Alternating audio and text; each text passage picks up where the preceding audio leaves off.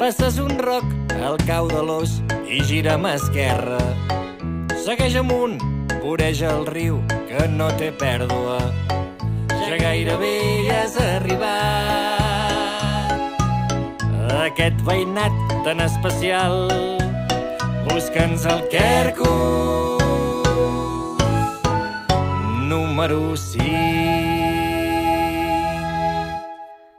La visita del petit Bujum.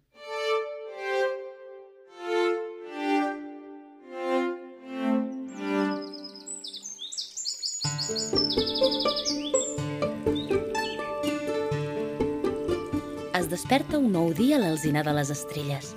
Un bosc meravellós que es troba ben a prop d'aquí. D'entre totes les alzines que conformen aquest bosc, hi ha una que destaca per sobre de les altres per la seva antigor. El seu tronc, engruixit pel pas del temps, suporta una copa corulla de branques i fulles. És immensament grossa.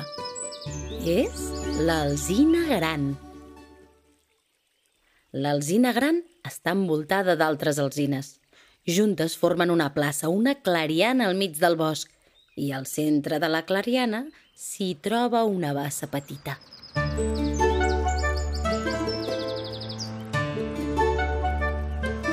La bassa s'omple gràcies a la pluja i a les aigües subterrànies que corren per sota el vell bosc.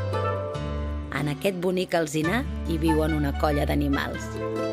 Uns tenen els caus sota terra, d'altres a les capçades dels arbres, d'altres amb forats als troncs i fins i tot n'hi ha que viuen tot el dia capbussats a la bassa. A l'alzinar de les estrelles, un bon dia, hi va arribar un ocell viatger, una cigonya negra. És un d'aquells ocells que passen l'hivern a l'Àfrica i a l'estiu pugen cap al nord on hi fa tanta calor.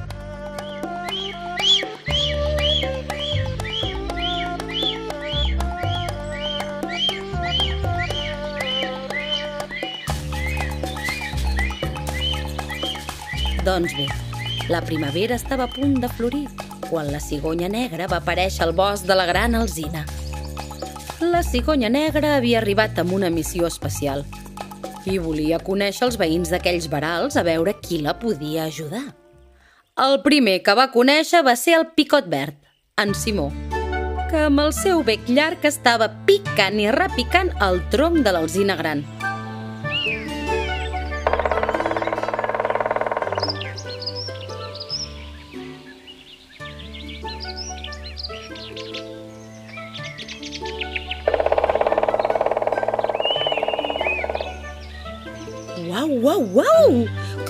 Potència que tens amb el bec! va dir la cigonya negra al picot. Però què busques picant amb tanta energia?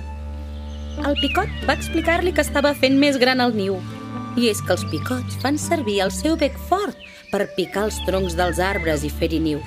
I per trobar insectes que treuen amb la seva llarga i llafiscosa llengua i després, nyam, es cruspeixen. Mentre en Simó, el picot verd, estava enfeinat arreglant la caseta, va sentir-se el bronzit de la trementina.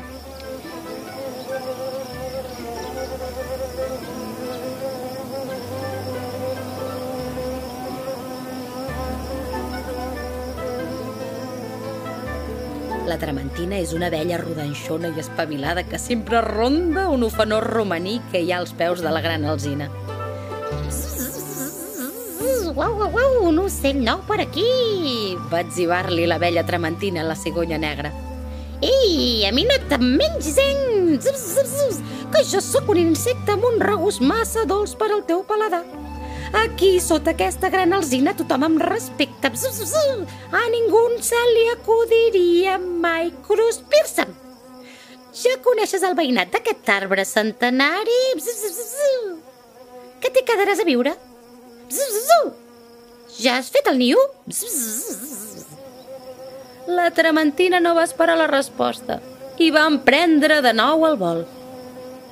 La cigonya negra va acomiadar-se del picot verd i decidir baixar de dalt de la capçada de l'arbre per conèixer els habitants que vivien més avall. Així que va fer uns saltironets de branca en branca i ups, xups, xups, fins que... Oh! va sentir un crit. Què era aquell crit? De l'ensurt, la cigonya negra va caure volant en picat tres branques seguides. Des de l'última branca de l'alzina gran, la que quedava més avall de tot, va mirar amunt i va veure com des de dins d'un forat del tronc una cara blanca i rodona com una lluna plena i dos ulls negres la miraven. No tinguis por, sóc l'Òliva Rosó. Ja fa temps que visc en aquest vell arbre. Ets nova? Acabes d'arribar? Que et quedaràs a viure amb nosaltres? Benvinguda! L'Òliva Rosó saludava la petita cigonya negra quan, tot saltant d'arbre en arbre i cantant alegrement, va arribar l'Agustí.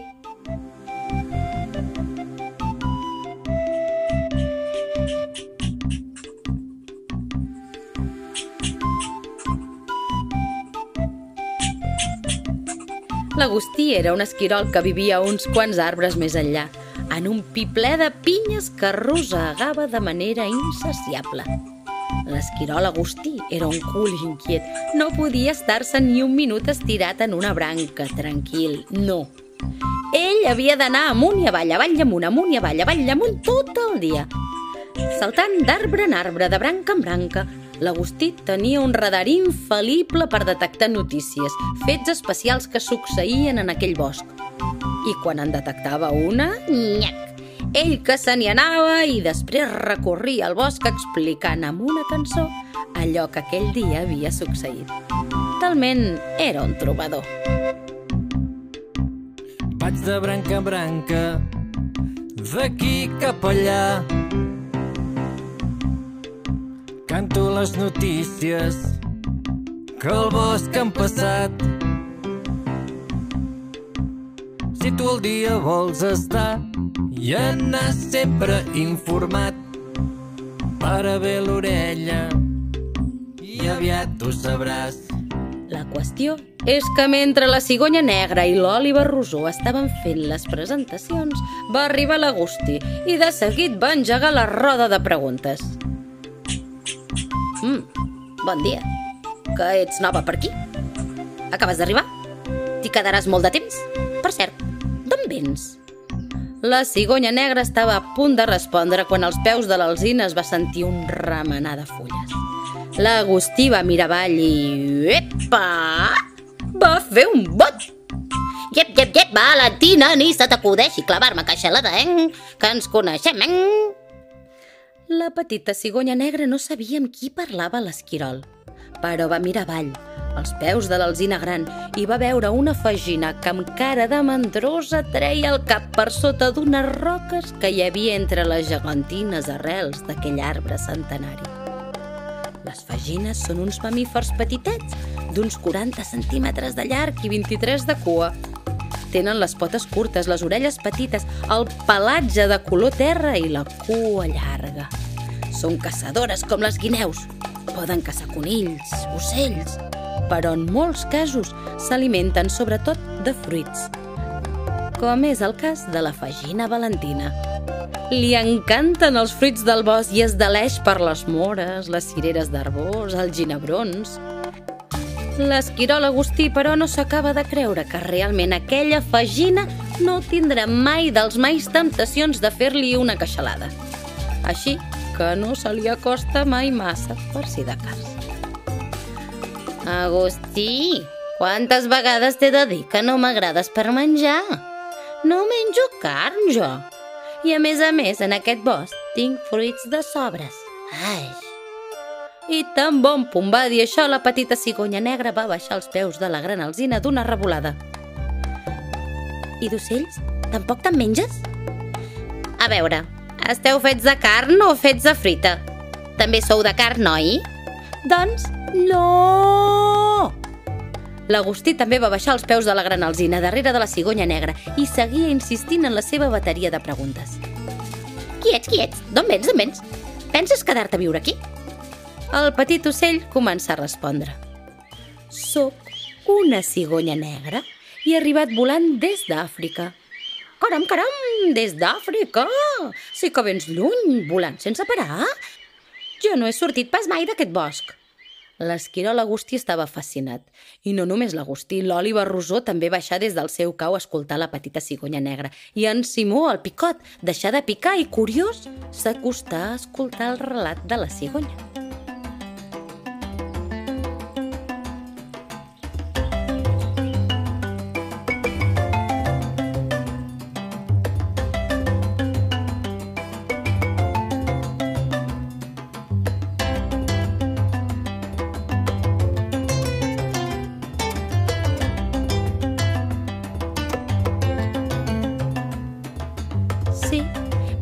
Volant sense parar i m'he aturat perquè...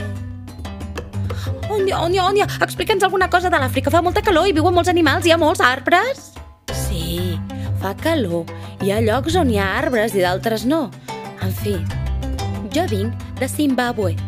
I si em deixeu parlar fins al final, us explicaré per què m'he aturat al vostre bosc. Finalment, van fer silenci i va poder seguir. Sabeu qui són els bujums? Ni idea? No en teniu aquí? Doncs els bujums són unes criatures petites, molt petites, petit, petitíssimes i peludes, com una pota de l'esquirol agustí. Ah, i tenen un gran nas de patata, una sola cama i un sol peu. Viuen en forats que fan sota les pedres, enmig dels boscos de Zimbabue. Sempre estan alegres i els encanta sortir de casa i buscar objectes que la gent es deixa al bosc. Un petit bujum em va explicar que un dia, mentre ell i la seva germana passejaven pel bosc, van sentir unes veus i es van acostar a veure què passava. Es tractava d'una colla de nens i nenes que havien fet un pícnic i estaven jugant. Però no eren una colla normal. Estaven trepitjant tot el que se'ls posava per davant. Trencaven branques sense miraments, estaven llançant els embolcalls dels entrepans per aquí i per allà, la qüestió és que els petits bujums es van començar a enfadar i enfadar perquè els bujums no suporten que ningú faci mal a la natura. I la germaneta Bujum va anar decidida i enrabiada a dir a aquella colla que paressin de trencar-ho i embotar-ho tot. Però els nens, en veure-la, van agafar-la per un peu i se la van mirar com un trofeu. Guaiteu, una petita Bujum, això sí que és una troballa! Van dir van aixecar la petita Bujum i la van posar dins d'un got, cap per avall, com si fos una gàbia.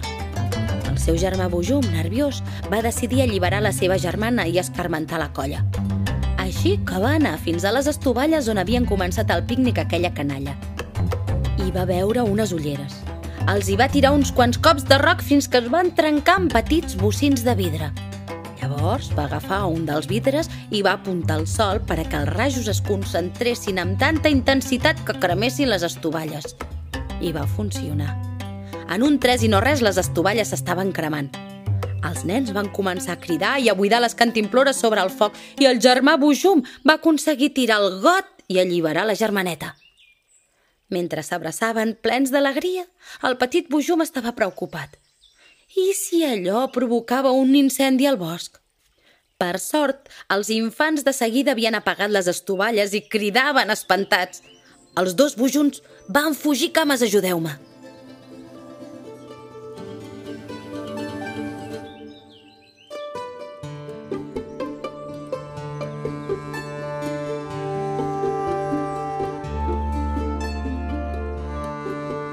Quan la cigonya negra va haver acabat el relat, tots se la miraven amb ganes de més i més i l'esquirol va ser l'encarregat de trencar el gel. Uapala, uapala, uapala! Aquí també tenim unes petites bestioles com els bujons. Són els follets. Va ser dir això i d'entre les plomes de la cigonya negra va treure al cap un petitó peludet i vergonyós bujum. Uh, un bujum, bujum, bujum, bujum, bujum, va cridar l'esquirol. Però, però, però, però, però, i això? La cigonya negra de seguit els hi va explicar. Jo vaig a pondre ous amb la meva família i aquest any he dut amb mi el meu amic Bujum. És molt tímid.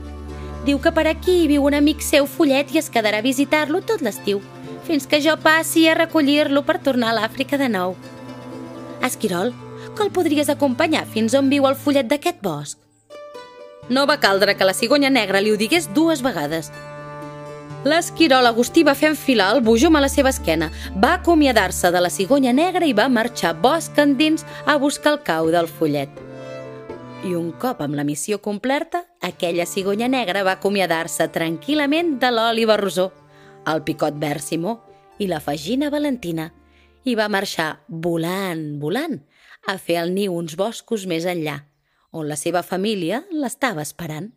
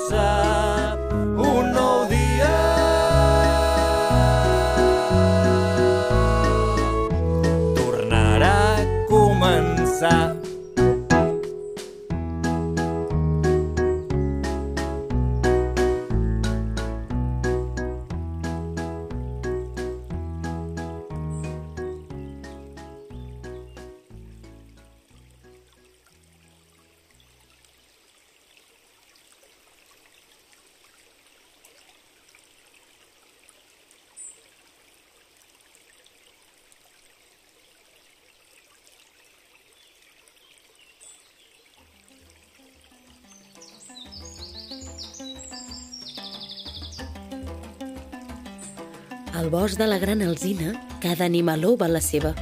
Però de tant en tant hi ha trobades divertides, trobades emocionants, trobades que fan por. La d'avui ha estat una trobada molt interessant. Una cigunya negra els ha explicat un conte de Zimbàbue i portava de visita un dels seus protagonistes, un bujum. Us podeu imaginar una altra aventura que puguin viure els bujums al bosc?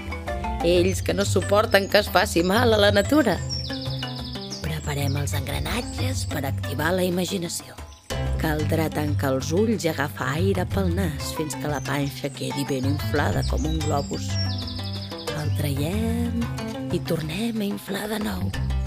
El traiem i inflem la panxa per tercer cop. Ara deixarem anar l'aire a poc a poc, fent I ja tenim els engranatges a punt. Ara et toca a tu imaginar.